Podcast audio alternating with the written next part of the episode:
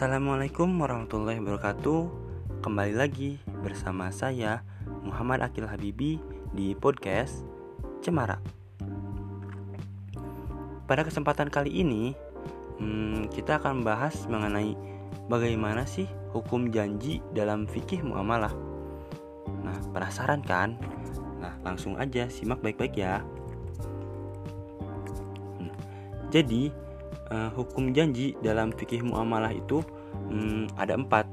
Nah, yang pertama uh, pendapat dari sebagian ulama di antaranya ada Ibnu Syubrumah, uh, Ishaq bin Rawahiyah, Hasan Basri, dan sebagian pendapat Malikiyah yang menyatakan bahwasannya janji itu wajib dipenuhi dan mengikat secara hukum.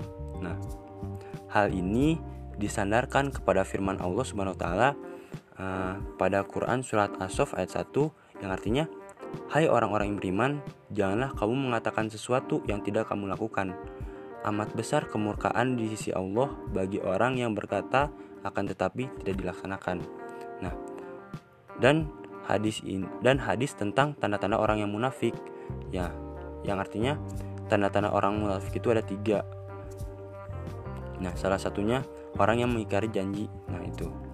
Lalu yang pendapat yang kedua yakni sebagian fukoha Malikiyah yang menyatakan bahwa janji itu bersifatnya mengikat secara hukum.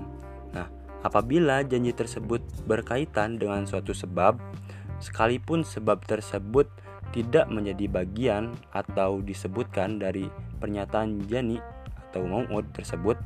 Nah, misalnya ungkapan nih, misal misalnya ungkapan aku hendak menikah aku mau membeli barang aku mau membeli membeli barang ini. Jika aku menyelesai uh, jika aku menyelesaikan utangku maka aku akan meminjamkan ini. Atau aku mau jalan-jalan besok maka pinjamkan bin binatangmu padaku dan seterusnya. Nah jadi lebih kalau yang ini lebih ke uh, janjinya pernyataan gitu bukan bersifat uh, ya maksudnya lebih ke pernyataan gitu. Tapi termasuk dalam janji gitu Nah, lalu yang ketiga ada uh, pendapat Malikiyah. Nah, ini yang paling populer.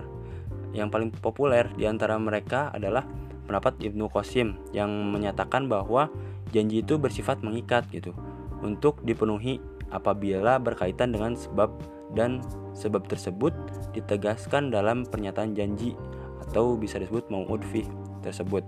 Misalnya, jika ada seseorang membeli seseorang eh, membeli seorang budak atau permintaan seseorang dengan seribu dirham dia berkata kepada si fulan saya beli anda dengan seribu dirham. Maka terbelilah budak tersebut. Nah keadaan seperti ini mengikat bagi si fulan. Nah lalu yang keempat ada pendapat dari mayoritas fukoha nah dari sini di antaranya ada dari Hanafiyah, Syafi'iyah, Hanabiliyah, Hanabilah dan satu pendapat dari Malikiyah yang mengatakan bahwa janji itu merupakan kewajiban agama atau mulzimun diniyah dan bukan kewajiban hukum formal formal atau wair mulzim kodan karena wa'ad atau janji itu merupakan akad tabaru atau kebijakan atau e, kedermawanan. Dan akad tabaru itu tidaklah lazimah tidak mengikat gitu Nah, uh, itu uh, hukum wa'ad menurut para fukoha gitu. Nah, sekian yang dapat kita bahas. Kurang lebihnya mohon maaf. Uh, Assalamualaikum warahmatullahi wabarakatuh.